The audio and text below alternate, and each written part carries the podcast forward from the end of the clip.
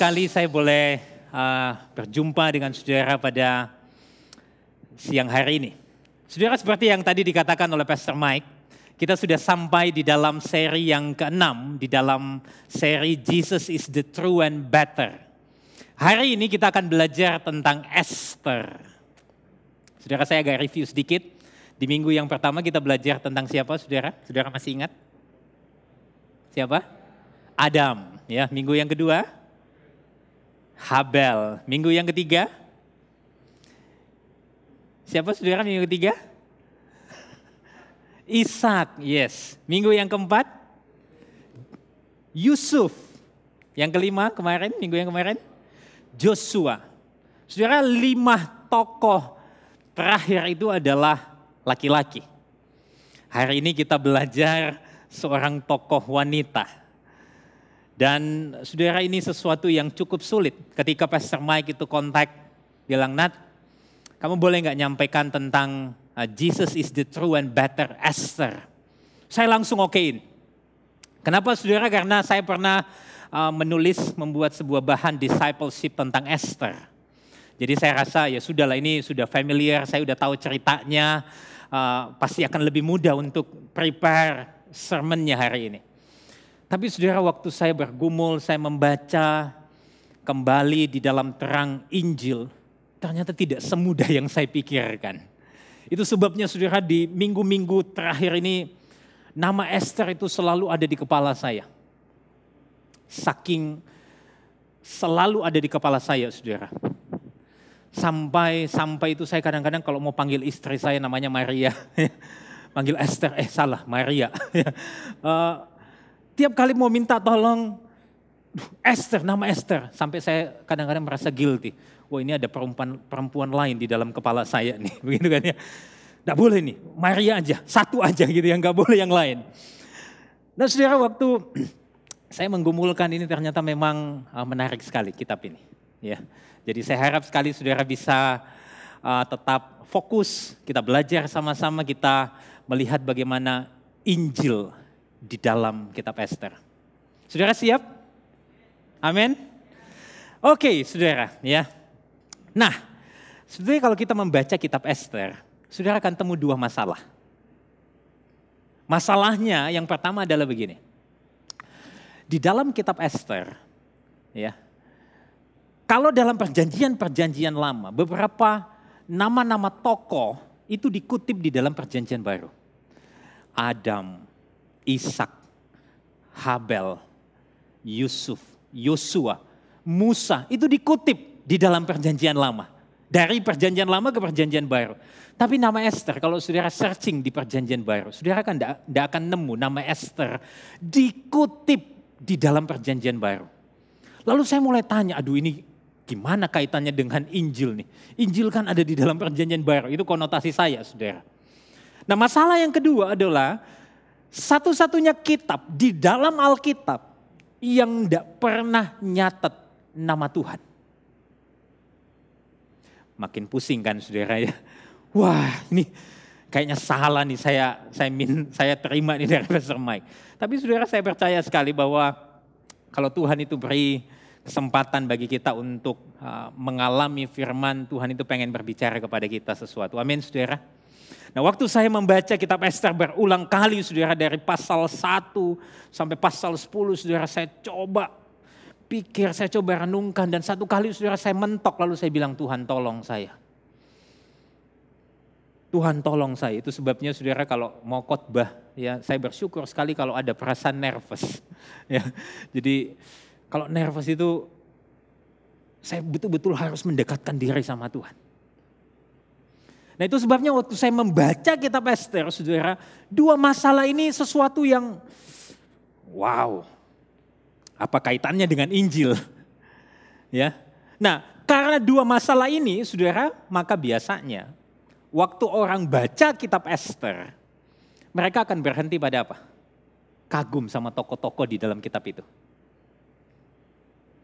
Ada Raja Ahasiweros namanya, raja yang perkasa, yang kuat, yang punya kemampuan uh, negosiasi politik yang hebat sekali sehingga dia punya dia bisa menjajah uh, memiliki banyak daerah kekuasaan. Dan orang itu bilang, wow ini contoh pemimpin yang luar biasa. Kita mesti jadi seperti Ahasiweros. Ada juga tokoh yang namanya Mordekai. Ya. Mordekai ini adalah seorang uh, pria, seorang laki-laki yang bijak, seorang yang uh, yang bisa kemudian menangani persoalan-persoalan di dalam skala yang besar. Sehingga acap kali saudara waktu kita baca kita berhenti begini. Wah kita mesti jadi kayak Mordeka ini. Yang jadi laki-laki yang bijak, yang wise, yang tenang kalau ada masalah. Lalu ada sebuah larangan. Oh, kita tidak boleh jadi kayak Haman. Ada tokoh namanya Haman di dalam kitab Esther. Haman ini hati setengah mati. Tidak boleh kita jadi orang kayak gini. Orang Kristen kok jahat? Tidak boleh. Nah, kita itu mesti jadi kayak Esther. Oh ini perempuan saleh. Kemudian cerdas. Kemudian apa lagi? Dia orang yang uh, rela berkorban. Dia kemudian menjadi orang yang pemberani. Oh ini wanita-wanita mesti jadi kayak begini. Nah kalau baca kitab Esther, banyak orang berhenti pada, wih keren toko-tokonya sama kalau ke saudara pergi nonton film. Ya, saya terakhir film yang saya nonton itu adalah Sangci. Wah istri saya seneng banget tuh. Wih keren kok, wih gelangnya keren. Canggih banget ya. Aku pengen gelang kayak gitu kok. Kalau bisa yang bisa nangkal-nangkal kalau orang berantem katanya. Keren, habis itu ya sudah. Pernah gak saudara bilang gini, wih iki sutradaranya mikir filmnya Ciami loh. Pernah gak saudara habis nonton bioskop mikir kayak gitu? Jarang ya. Wih, iki anu ini yang buat cerita ini hebat loh. Dia bisa buat sampai kita itu tidak ngantuk. Saya pernah sekali ketiduran di bioskop, saudara. Karena saking uh, uh, hilang aja. nah, banyak orang waktu membaca kitab Esther kayak begitu. Berhenti di dalam kekaguman, di dalam peran-peran atau tokoh-tokoh yang ada dalam cerita itu. Nah akhirnya saudara, akhirnya cerita Esther itu akhirnya menjadi sebuah pesan moral saja. Tanpa kehadiran Kristus sebagai benang merah di dalam Alkitab. Nah saya percaya saudara kitab Esther ini punya kaitan dengan apa? Dengan Kristus. Amin saudara. Saudara percaya? Saudara percaya? Kalau saudara percaya puji Tuhan, ya tugas saya udah selesai. Khotbah kita udah beres. Ya saudara percaya bahwa di dalam kitab Esther ini punya kaitan dengan Injil. Tapi saya enggak, saya enggak mau kita berhenti. Iya saya percaya Pak, pokoknya percaya. Ini, ini iman yang enggak benar ini. Kamu ngikut karena dia percaya. Kalau nanti saya bawa kamu ke ke jurang, you mau percaya? Kan enggak. Kita mesti betul-betul belajar menggali bersama bagian ini. Itulah sebabnya saudara, saya ingin saudara melihat ini dari kacamata yang seperti ini. Nah saya ingin membawa saudara untuk melihat perlahan demi perlahan bagian ini sehingga kita menemukan kaitan kitab Esther dengan Injil. Saudara siap? Yes. Yang pertama, mari kita lihat dengan kacamata seperti ini saudara. Kita itu akan melihat dengan cara pandang yang berbeda.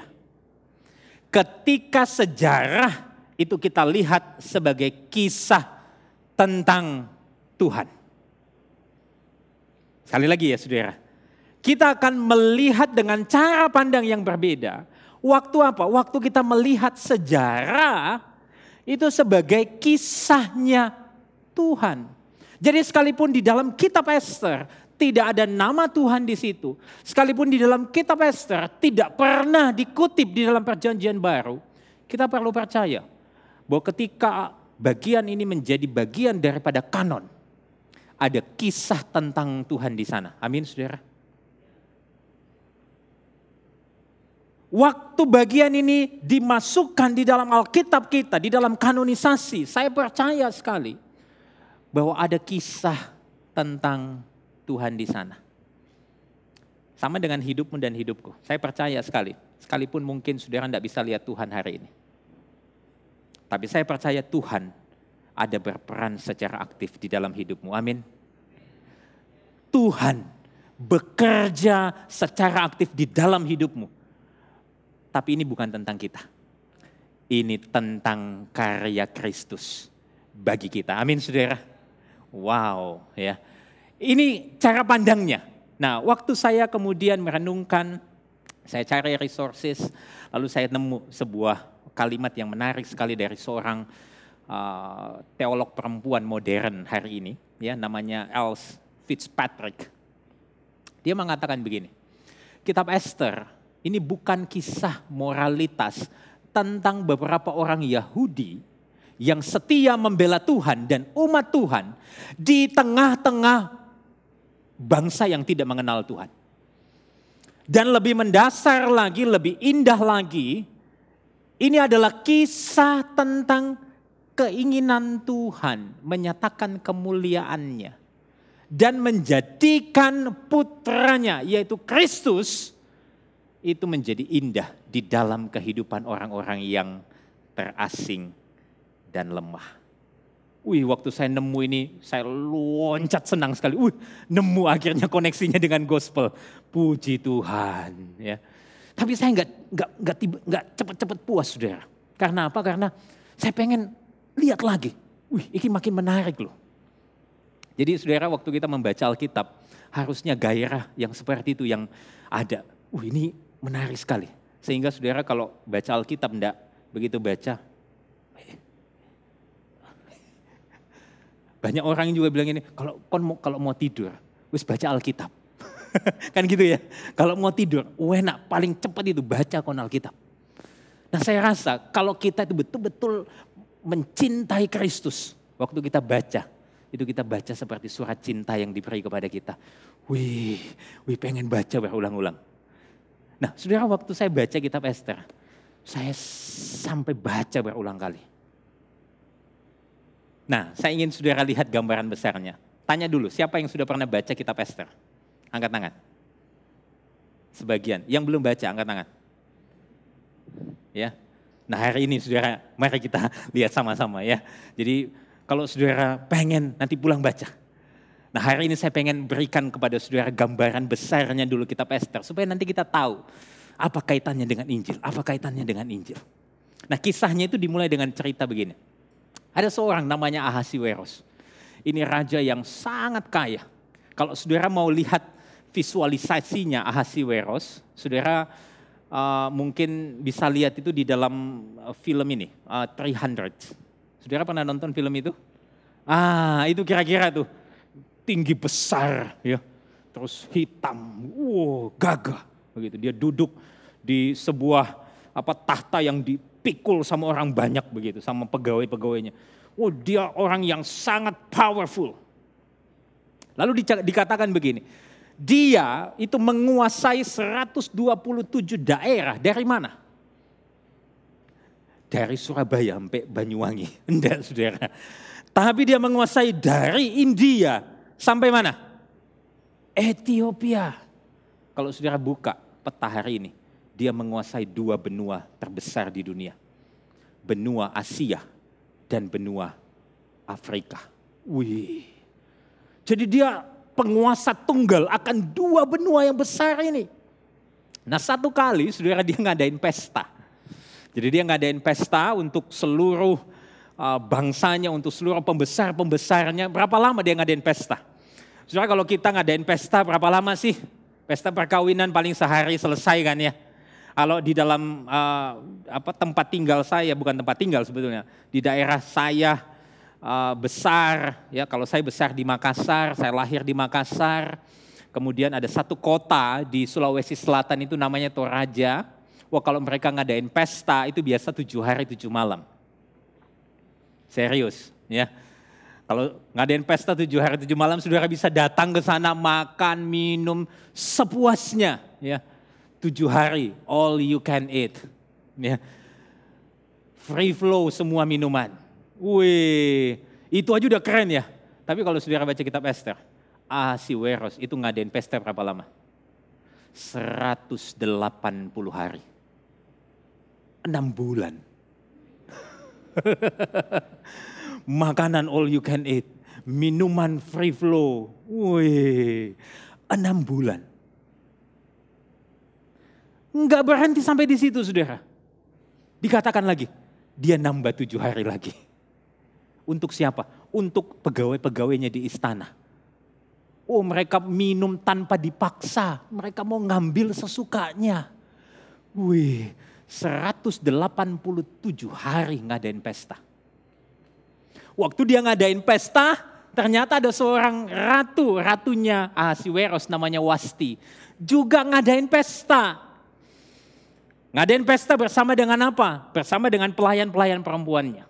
Nah, dalam budaya pada waktu itu, seorang raja itu uh, mengekspresikan uh, kekuasaannya salah satunya adalah dengan apa? Dengan menampilkan ratunya. Kepada siapa? Kepada semua orang. Lalu kemudian raja bilang begini, ayo panggil si Ratu Wasti. Aku pengen kasih lihat kecantikannya di depan seluruh daerah jajahanku. Ratu Wasti dipanggil, eh Ratu Wasti bilang begini, eh sorry, aku nggak mau. Nolak dia. Waktu dia nolak, raja dengar, raja itu marahnya setengah mati. Lalu apa yang terjadi? Dia minta nasihat dari uh, orang-orang uh, di sekitarnya dan orang-orang di sekitarnya bilang gini, sudah di di apa di diganti aja Lalu raja mesti keluarin titah bahwa setiap perempuan di dalam sebuah rumah tangga harus tunduk kepada suaminya. Ada di situ, saudara. Nah itu sebabnya di dalam pasal 1 saudara baca Ratu Wasti itu kemudian turun tahta. Masuk ke pasal yang kedua, saudara menemukan di situ kemudian si Ahasiweros ini gelisah. Dia ingat, waduh Ratu Wasti ini cakep, tapi kok enggak mau ya sama aku. Enggak bisa tidur dia. Gelisah. Lalu kemudian karena pegawai-pegawainya lihat ini raja ini kok sakno ya. Ditinggal mbak ratu ya. Terus dia bilang gini. Raja ngadain aja sayembara. Oh mereka ngadain sayembara. Semua perempuan dari mana-mana tempat itu dikumpulin. Kalau saudara baca kisah kisah Esther di dalam pasal 2 dikatakan begini. Setelah sayembara itu kemudian terjadi waktu Esther masuk di hadapan raja. Esther itu dikasihi oleh raja lebih dari semua perempuan lain. Ini kayak apa kayak uh, show kecantikan gitu ya. Semua lewat, semua lewat. Saya begitu lihat Esther, ini kok manis ya. ya. Boleh nih ya, gantiin Ratu Wasti nih hatinya itu langsung uh, kesemsem gitu loh ya. Langsung setrum, wih, wah. Esther singkat cerita kemudian jadi ratu menggantikan Wasti. Tapi di tengah-tengah kisah itu, lalu kemudian ada kisah yang di, dimasukkan. Nanti sudah lihat betapa pentingnya kisah yang dimasukkan ini di bagian yang lain. Ada kisah tentang seorang Mordekai. Mordekai ini adalah uh, sepupunya Esther sebetulnya. Jadi kalau selama ini pemahaman beberapa orang ini pamannya Esther. Sebenarnya kalau saudara baca ini sepupunya Esther. Ya mereka uh, sepupuan tapi karena Ahasiweros ini jauh lebih tua. Lalu kemudian Esther ini mungkin masih uh, kanak-kanak. Lalu Ahasiweros ini ngangkat Esther jadi anaknya. Ya. Nah, waktu Ahasiweros ini lagi di gerbang istana gitu Lalu dia dengar ada dua orang yang merencanakan pembunuhan Raja Ahasiweros pada waktu sayembara nyari ratu itu terjadi. Lalu si Ahasiweros bilang, wah ini tidak benar ini. Dilaporin ke raja. Lalu dua orang itu kemudian dihukum mati. Nah, ini bagian pendahuluan kitab Esther. Jadi kalau saudara baca kitab Esther itu saya bagi tiga. Ada pendahuluan, ada isinya, ada penutupnya. Itu kayak sandwich, saudara. Rotinya di atas, isinya di tengah, ada roti lagi di bawahnya. Ya, jadi gampang ya, saudara ingatnya ya. Jadi kayak sandwich, ada isinya. Nah, isinya ini penting, saudara. Apa isinya? Isinya ini ada cerita yang yang wah dahsyat sekali. Ya kalau bahasa perfil, perfilman itu ini ada plot twistnya. Woi, ada ada kisah yang tiba-tiba berbalik. Apa itu saudara? Jadi di pasal yang ketiga tiba-tiba muncul ada seorang namanya Haman. Siapa ini Haman? Ah, Haman ini berasal dari uh, keturunan Amalek sebetulnya. Bangsa yang tidak dibunuh tuntas oleh Saul. Jadi entah bagaimana ceritanya kemudian dia muncul, lalu saudara singkat cerita Haman ini diberi kekuasaan oleh Ahasiweros.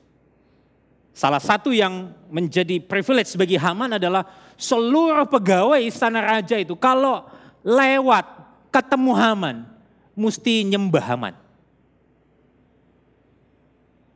Oh itu privilege yang dia dapat. Nah si Mordekai ini tidak mau ngelakuin itu. Waktu Haman dengar Mordekai tidak sujud nyembah dia, si, Morde, si Haman bilang begini, ini orang enaknya di dipites sih, enaknya dibunuh ini. Tapi kalau dia tok tidak cukup, seluruh bangsa harus dimusnahkan. Wih kejam ya. Jadi tidak cuma satu, Semuanya, padahal yang lain itu tidak tahu apa-apa. Mesti dimusnahin. Wah rencananya disusun, Haman datang ke Ahasiweros bilang gini, Raja ini ada satu bangsa nih yang tinggal di daerahmu. Tidak mau taat hukum, tidak mau taat sama apa yang kamu perintahkan, dimusnahkan aja. Hukumnya beda sama kita. Lalu raja ambil stempel, tok, tanggalnya, bulannya, tahunnya ditentukan. Dengar itu, Mordeka itu sedih sekali. Lalu kemudian surat pembunuhan massal itu disebarkan ke mana-mana tempat. Orang Yahudi yang dengar itu sangat sedih hatinya. Dikatakan mereka itu sampai berpuasa karena berita itu. Mordekai karena mendengar berita itu apa yang dia lakukan, saudara dia ada di pintu gerbang, dia tanggalkan semua bajunya sebagai sebuah simbol perkabungan yang sangat dalam. Eh kemudian ada dayang-dayangnya Esther ini yang kelapor. Eh itu loh ada Mordeka itu anu di pintu gerbang itu lagi meratap dia. Lalu Esther bilang gini, kamu tanyai kenapa dia? Begitu ditanyai, titip bilang sama Esther begini, bla bla bla dan sebagainya. Lalu mereka merencanakan sebuah rencana untuk apa? Supaya bangsa Yahudi ini tidak jadi dimusnahkan. Nah singkat cerita apa yang Esther lakukan? Ya di dalam bagian nanti yang kita akan lihat secara mikro, secara detail. ya Esther bilang begini, ya enggak apa-apa, aku nanti nggak ada raja. Kalau nanti aku mati enggak apa-apa, biarin aku mati. Karena apa? Di dalam konteks pada waktu itu, kalau seseorang mau menghadap raja, kalau tidak diundang, kalau tidak dipanggil, tidak boleh. Hukumannya pasti mati. Uh, ini Esther. Wah, ini. Duk, dak, duk, dak, duk. Tapi dia bilang, kalau nanti aku mati tidak apa-apa, biarin aku mati. Dia buat pesta dia buat pesta di pasal yang kelima untuk apa? Untuk raja. Jadi kalau saudara baca kitab Esther, sebenarnya kisah ini kisah tentang pesta, dari pesta kepada pesta, dan ditutup sama pesta. Serius, nanti saudara lihat ya, pasal satu pesta, nanti pasal lima pesta, pasal enam pesta, pasal sembilan itu pesta lagi. Ya, jadi kalau saudara lagi mau ngadain pesta, ada baiknya saya sarankan saudara baca kitab Esther. saudara akan menemukan banyak skill tentang pesta di sana. Ya, jadi ngadain pesta sekali. Eh, saudara waktu mau ngadain pesta, sudah ngadain pesta, Esther bilang, tuanku aku punya permintaan nih. Tapi aku tidak mau kasih tahu sekarang, nanti aja. Lalu kemudian si raja ini pulang, ke istananya, lalu dia gelisah. Tapi dia gelisah bukan karena ini kok Esther ada nyembunyi sesuatu sama aku. Ya, biasa kalau suami istri misalnya gitu ya, istri atau suaminya nyembuhin sesuatu gelisah kan. Lu ayolah ngomong, opo oh, kasih tahu aku sekarang, ndak rahasia, nanti ae, gitu kan. Gelisah nggak tenang hati ya. Ada hadiah tak? Enggak nanti aja, kamu mau ajak aku ke mana? Enggak nanti aja, makin gelisah. Tapi bukan itu yang buat Ahasiweros gelisah. Ternyata Ahasiweros itu kemudian gelisah, enggak bisa tidur. Karena apa? Kalau saudara mundur ya. Ternyata saudara yang enggak bisa bikin tidur Ahasiweros ini nih. Kisah ketika ada seorang yang namanya Mordekai yang pernah tolong dia. Lalu dia bilang gini, aku ingat siapa itu yang dulu nolong aku supaya aku tidak jadi dibunuh oleh dua orang itu. Oh itu pak namanya Mordekai. Oh dia naik jabatan enggak? Enggak pak. Loh kalau begitu kasih jabatan. Masa sudah nolong aku enggak dikasih hadiah? Nah saudara apa yang terjadi? Kemudian Ahasiweros itu kasih jabatan sama Mordekai. Yang di mana yang ngerjain tugas ngasih jabatan itu siapa? Saudara tahu? Haman. Jadi Haman ini sudah dongkol, kamu tidak nyembah aku, sekarang aku harus melayani kamu. Apa yang terjadi saudara? Makin, kalau orang Surabaya bilangnya apa? Dongkol. ya paling enak itu Surabaya paling enak. Kalau kita mau ngomong penekanan itu penekanannya tinggal ditambahin dikit aja duongkolnya setengah mati. Pokoknya sebelnya setengah mati. Lalu dia pergi bilang sama istrinya, waduh sebel aku. Iki Mordeka yang mau tak bunuh malah dikasih jabatan sama raja. Nah singkat cerita saudara, kemudian Esther ngadain pesta yang kedua. Haman akhirnya dilaporkan oleh Esther karena ikhtiar jahatnya kepada bangsanya Esther Esther menang, Esther membawa bangsa Yahudi ini lepas dari pembunuhan massal. Lalu apa yang terjadi saudara? Di bagian penutup, pesta lagi. Ah, jadi ada pesta yang namanya Hari Raya Purim. Ya, sampai sekarang di dalam tradisi bangsa Yahudi mereka masih melakukan ini sebagai ingat-ingatan untuk apa? Untuk mengingat tentang kelepasan yang mereka alami. Nah, kata pur itu sebetulnya berasal dari kata undi. Waktu itu waktu mau tetapin tanggal pemusnahannya bangsa Yahudi, dibuang undi. Nah itu ngingatin mereka. Bukan hanya ngingatin waktu kematian mereka, tapi ngingatin waktu kelepasan mereka. Lalu kemudian Mordekai naik jabatan lagi. Wih, jadi ceritanya kayak begitu. Lalu tanya saudara, Pak kalau gitu apa kaitannya sama Injil? Ini kok enggak ada kayaknya kaitannya. Ini kok enggak ada Tuhan Yesusnya di dalam ini. Gimana caranya nyambunginnya? Nah saudara, apakah saudara masih bersama-sama dengan saya? Ya, Saudara kan lihat nih, saya kasih tiga hal supaya saudara bisa melihat bagaimana kitab Esther ini menampilkan karya Kristus yang sempurna. Bukan hanya bagi bangsa Yahudi, tapi bagi engkau dan saya. Amin saudara. Yang pertama, Haman yang berikhtiar mengeksekusi mati seluruh orang Yahudi. Tapi melalui satu orang Yahudi yaitu Esther. Justru Haman yang dieksekusi mati. Sudah lihat ini plot twist dari kisah ini yang nanti kemudian membawa kita kepada kisah Kristus. Mari kita baca sama-sama saudara bagian ini. Saya baca uh, bagian ini pasal 3 nanti saudara baca pasal yang ketujuh ya.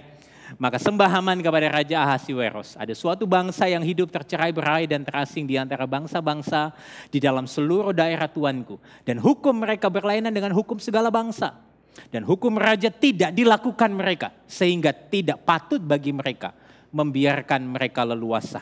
Jika baik pada pemandangan raja, hendaklah dikeluarkan surat titah untuk membinasakan mereka. Sama-sama Kemudian Haman disulakan pada tiang yang didirikannya untuk Mordekai. Maka surutlah panas hati raja. Haman yang merencanakan untuk mengeksekusi mati seluruh orang Yahudi. Akhirnya apa? Melalui satu orang Yahudi yaitu Esther. Haman justru yang dieksekusi. Saudara, gospelnya di mana? Saya kasih lihat saudara begini. Melalui satu orang, yakni Esther, seluruh orang Yahudi mengalami keselamatan dari ancaman kematian. Baca sama-sama. Melalui satu pribadi, yaitu Kristus Yesus, kita manusia yang berdosa ini diselamatkan dari kematian kekal. Saudara lihat ya, ini kaitannya yang menunjukkan bahwa kisah Esther ini sudah tidak boleh lepaskan daripada kehadiran dan karya Kristus. Kita ini loh yang berdosa. Diselamatkan dari kematian kekal. Oleh siapa? Yesus Kristus. Jadi saudara, saya mau katakan begini kepada saudara. Jesus is the true and better Esther. Oleh karena apa? Oleh karena dia tidak hanya membahayakan nyawanya, tapi apa? Dia memberikan nyawanya untuk menyelamatkan kita yang berdosa ini. Wow. Kristus bukan hanya membahayakan nyawanya, tapi dia memberikan nyawanya bagi kita yang berdosa ini. Amin saudara. Wow. Paulus satu kali berkata demikian, kita baca sama-sama. Siapakah yang akan menggugat orang-orang pilihan Allah? Allah yang membenarkan mereka? Siapakah yang akan menghukum mereka? Kristus Yesus yang telah mati. Bahkan lebih lagi, yang telah bangkit, yang juga duduk di sebelah kanan Allah yang malah menjadi pembela bagi kita. Saudara saya ingin saudara bilang sama teman kanan teman kiri, Kristus menyelamatkanmu. Ayo saudara, Kristus menyelamatkanmu. Kristus menyelamatkan engkau dan saya dari hukuman yang kekal. Wow. Lalu mungkin saudara bilang begini, Pak Nathan, ya saya tahu itu sudah berulang kali dikotbahin di sini Pak. Apa Pak relevansinya? Saudara relevansi waktu saya bergumul, saya merenungkan bagian ini, saya menemukan sebetulnya lima sola itu muncul dengan sangat dahsyat di dalam kisah ini. Bagian yang pertama ini ada dua sola yang muncul, sola gratia dan solus Christus. Mari kita baca sama-sama. Jika hanya karena anugerah melalui karya penyelamatan oleh yang dikerjakan oleh Kristus Yesus, maka kita semua terhindar dari kematian kekal. Bagaimana mungkin hidup kita tidak limpah dengan syukur? Ya. Saudara, kalau kita mengucap syukur karena apa sih biasanya? dapat berkat, ya, dapat pacar yang ganteng, ya, pacar yang cantik, mengucap syukur, apalagi? Sekolah berhasil, apalagi? Tender di di perusahaan, kemudian kita menang, wow kita mengucap syukur, apalagi dapat giveaway dari postingan-postingan kita di media sosial, wow senengnya minta ampun, ya. Bukankah itu ucapan syukur kita sering kali? Tapi hari ini saya mau katakan kepada saudara, sekalipun hidup kita itu tidak dapat berkat-berkat itu, tapi kita punya alasan untuk mengucap syukur. Apa alasannya saudara? Kristus sudah mati untuk engkau dan saya. Dia memberi kehidupan yang kekal bagi engkau dan saya. Amin saudara. Beri kemuliaan bagi Tuhan kita. Wow. Jadi sekalipun pandemi ini kemudian kita hadapi dengan susah. Saya percaya umat Tuhan akan selalu bersyukur. Karena apa? Karena ada satu fondasi yang sudah diberikan dalam hidup kita. Yaitu apa? Karya keselamatan dari kematian kekal. Yang sudah Kristus kerjakan buat engkau dan saya. Ini yang pertama. Yang kedua saudara. Kalau kitab Esther sebetulnya kita perlu baca itu bukan sekedar oh ini si Haman yang jahat pengen musnahin bangsa Yahudi. Tapi apa saudara? Kita perlu baca itu dengan kacamata bahwa ini adalah upaya si jahat untuk menghentikan rencana keselamatan yang sudah Allah kerjakan melalui kehadirannya Kristus. Bagaimana kita bisa melihat kacamata ini saudara? Satu kali saudara, saya percaya ini bukan sebuah kebetulan. Saya sedang merenungkan uh, kitab Wahyu beberapa waktu ini dan setiap saya merenungkan itu saya posting di Instagram saya. Dan satu kali waktu saya baca kitab Wahyu pasal yang ke-12, seorang penafsir yang namanya David Platt, dia itu kemudian memunculkan sebuah tafsiran yang bagi saya itu menarik sekali. Dia mengatakan begini, sejak deklarasi Tuhan di dalam kejadian 3.15. Saudara tahu kejadian 3.15 itu apa? Tuhan menghukum si ular. Lalu dia berkata, keturunan perempuan ini akan meremukkan kepalamu dan engkau akan menggigit tumitnya. Ya. Ini adalah proto evangelium, Injil yang pertama sebetulnya di dalam kitab Kejadian. Sejak itu dia katakan apa? Iblis itu selalu berusaha membunuh anak laki-laki yang akan datang di dalam dunia ini. Siapa? Dia menggerakkan Kain untuk membunuh Habel. Itu jelas sekali di dalam 1 Yohanes 3 ayat yang ke-12. Dia menggerakkan Firaun untuk apa? Membunuh bayi laki-laki dalam keluaran pasal yang pertama dia juga menggerakkan Saul untuk membunuh Daud. Dia menggerakkan seorang ratu namanya Atalia untuk menghancurkan semua ahli waris dari keturunan Yehuda. Nanti saudara bisa baca ayatnya di rumah. Dia menggerakkan Haman untuk merencanakan pembunuhan massal terhadap seluruh orang Yahudi. Yang terakhir apa? Dia menggerakkan Herodes untuk membunuh siapa? Yesus. Jadi waktu kita membaca kitab Esther, kita harus membaca ini dari kacamata, wow ini tentang si jahat yang selalu berencana untuk apa? Menggagalkan rencana keselamatan melalui kehadiran Kristus. Jadi saudara bisa mulai nangkep ya, ini kisah Esther yang wow, very gospel center. Ini tentang Kristus. Saudara ada good news bagi kita. Good newsnya apa saudara? rencana si jahat itu selalu gagal. Amin. Kemenangan selalu ada di pihak siapa? Sang anak laki-laki yaitu Kristus. Wow, ini good news bagi kita. Mereka kemuliaan bagi Tuhan. Woo. Saudara ini good news bagi kita. Satu kali Rasul Paulus pernah berkata begini. Mari kita baca sama-sama. Hai maut, di manakah kemenanganmu? Hai maut, di manakah sengatmu? Sengat maut ialah dosa dan kuasa dosa ialah hukum Taurat. Dengan yakin sama-sama kita baca bagian ini ayat 57 1 Korintus 15. Tetapi syukur kepada Allah yang telah memberikan kepada kita apa?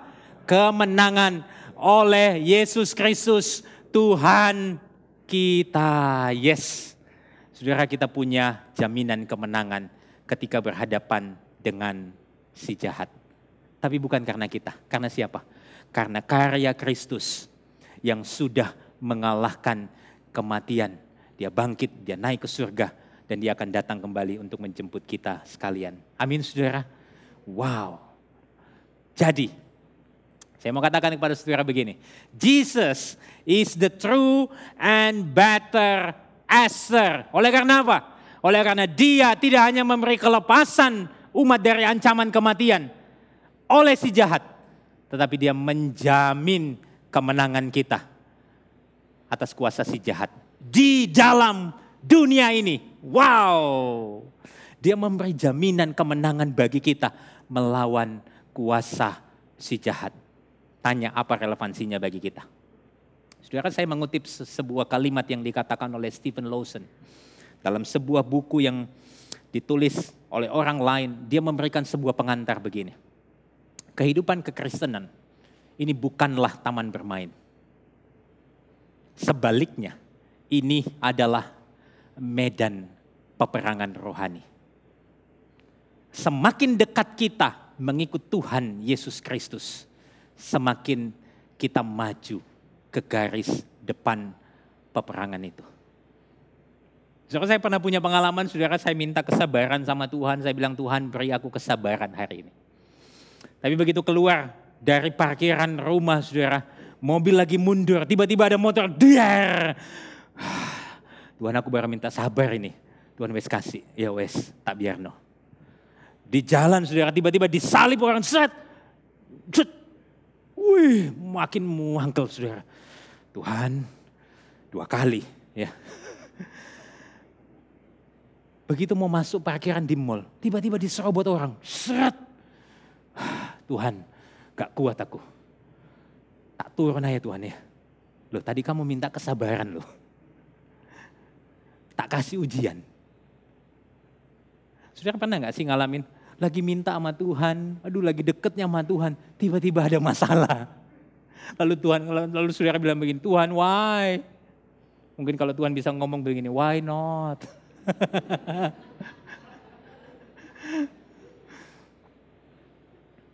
Saudara, kehidupan kita ini adalah spiritual battle. Kehidupan kita ini adalah peperangan rohani. Tapi ada janji kemenangan bagi saudara. Amin. Ketika saudara berhadapan dengan dosa, saudara bisa berkata tidak kepada dosa. Karena apa? Karena Kristus sudah menjamin kemenanganmu atas kuasa si jahat. Beri kemuliaan bagi Tuhan saudara. Wow. Saudara itu sebabnya ya. Saya munculkan dua sola yang lain. Karena Kristus sudah menjamin kemenangan kita atas kuasa si jahat. Maka kita hanya perlu bersandar di dalam iman. Sola fide. Pada apa? Kekuatan kita? Bukan. Pada kekuatannya setiap hari. Dan memperlengkapi diri kita dengan senjata rohani. Yang siapa? Yang daripada Allah. Allah sudah berikan buat kita sebagaimana yang dinyatakan di dalam firman Tuhan sola scriptura. Rasul Paulus di dalam Efesus saudara pasal yang ke-6 ayat 10 sampai 18. Saya harap nanti saudara bisa pulang bisa baca bagian ini. Tapi saya ingin highlight ayat yang ke-10 dikatakan akhirnya hendaklah kamu kuat di dalam Tuhan, di dalam kekuatan kuasanya. Saudara hari ini saya nggak tahu apa yang sedang saudara alami di dalam kehidupan saudara. Mungkin saudara sedang masuk di dalam spiritual battle dengan dosa-dosa tertentu. Tapi hari ini saya mau katakan kepada saudara, saudara punya kemenangan. Saudara bisa berkata tidak kepada dosa karena Kristus. Amin saudara. Itu sebabnya mari saudara kita perlengkapi diri kita dengan senjata-senjata yang sudah Tuhan berikan kepada kita. Ini yang kedua saudara. Yang ketiga. Ya, Esther, kalau Esther itu menyelamatkan umat Tuhan yang tersebar di satu bangsa dalam satu generasi. Dan umat Tuhan itu terhindar dari kematian kekal karena Esther mengidentifikasi diri dengan mereka. Saudara lihat tadi bagian yang saya katakan di dalam Esther 4 ayat 16. Mari sama-sama kita baca. Pergilah, kumpulkanlah semua orang Yahudi yang terdapat di Susan dan berpuasalah untuk aku Janganlah makan dan janganlah minum tiga hari lamanya baik waktu malam, baik waktu siang. Aku serta dayang-dayangku pun akan berpuasa demikian. Dan kemudian aku akan masuk menghadap raja. Sungguh pun berlawan dengan undang-undang. Mari kita baca. Kalau terpaksa aku mati, biarlah aku mati. Esther mengidentifikasi dirinya dengan seluruh orang Yahudi yang akan dimusnahkan. Saudara, di mana korelasinya? Saudara saya pengen bilang begini. Jesus is the true and better Esther. Oleh karena apa? Oleh karena dia mengidentifikasikan dirinya dengan kita. Sehingga kita ini terhindar dari kematian kekal. Dan melampaui apa yang dilakukan Esther. Yesus bukan hanya menyelamatkan satu bangsa. Tapi dia menyelamatkan umat Tuhan dari setiap bangsa. Di setiap generasi. Wow. Saudara waktu saya baca apa yang dikatakan Rasul Paulus dalam Galatia 3. Dia mengatakan begini. Sebab kamu semua adalah anak-anak Allah karena iman di dalam Kristus Yesus. Karena kamu semua yang dibaptis di dalam Kristus telah mengenakan Kristus. Ayat 28, mari bersama baca. Dalam hal ini tidak ada orang Yahudi atau orang Yunani. Tidak ada hamba atau orang merdeka tidak ada laki-laki atau perempuan, karena kamu semua adalah satu di dalam Kristus. Rasul Yohanes di dalam Wahyu juga pernah mengatakan kalimat yang pesannya sama. Kemudian daripada itu aku melihat sesungguhnya suatu kumpulan besar orang banyak yang tidak dapat terhitung banyaknya. Dari mana? Segala bangsa dan suku dan kaum dan bahasa berdiri di hadapan tahta dan di hadapan anak domba, memakai jubah putih dan memegang daun-daun palem di tangan mereka. Dengan suara nyaring mereka berseru, keselamatan bagi Allah kami yang duduk di atas tahta dan bagi anak domba. Saudara apa relevansinya bagi kita hari ini? Sola yang kelima saudara. Kalau kita semua ini dari mana-mana tempat, latar belakang, status sosial, jabatan pekerjaan kita, apa pun itu, dipersatukan di dalam Kristus. Baiklah kita ini hidup di dalam kesatuan sebagai satu tubuh Kristus tanpa lagi membeda-bedakan bagi kemuliaan Tuhan. Beri kemuliaan bagi Tuhan, saudara. Saya bersyukur gereja ini merangkul perbedaan-perbedaan itu. Saudara saya beberapa kali ngobrol sama Pastor Mike. Lihat Nat, ada begitu banyak orang dari mana-mana tempat bersekutu di tempat ini.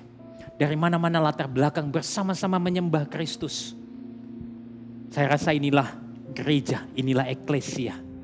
Saudara dan saya, kalau Tuhan saja tidak membeda-bedakan, masakan kita masih membeda-bedakan orang lain. Hari ini saudara ketika kita melihat kitab Esther, saudara menyaksikan kalau Esther itu menyelamatkan satu bangsa dari satu generasi. Kristus menyelamatkan kita umat Tuhan dari mana-mana tempat di setiap generasi. Untuk apa? Supaya kita datang menyembah bagi kemuliaannya. Saudara, kalau Esther takut menghadap raja, hari ini saudara, ketika kita datang di dalam perjamuan kudus, menghadap Bapa, kita tidak perlu lagi takut. Karena apa? Kristus sudah menjadi pengantara kita kita bisa memanggil Allah kita itu Bapa. Kita bisa datang menghampiri tahta Tuhan tanpa lagi dengan takut. Dia Allah yang penuh dengan kasih karunia. Siap memeluk saudara dan saya. Apa pun ketakutanmu. Saudara bisa datang kepadanya setiap waktu. Meminta pertolongannya. Amin saudara. Satu ayat terakhir saudara mari kita baca bersama bagian ini. Ibrani 4 ayat 14 16. Karena kita sekarang mempunyai imam besar agung yang telah melintasi semua langit yaitu Yesus anak Allah. Baiklah kita teguh berpegang pada pengakuan iman kita. Sebab imam besar yang kita punya bukanlah imam besar yang tidak dapat turut merasakan kelemahan-kelemahan kita. Sebaliknya sama dengan kita, ia telah dicobai hanya tidak berbuat dosa.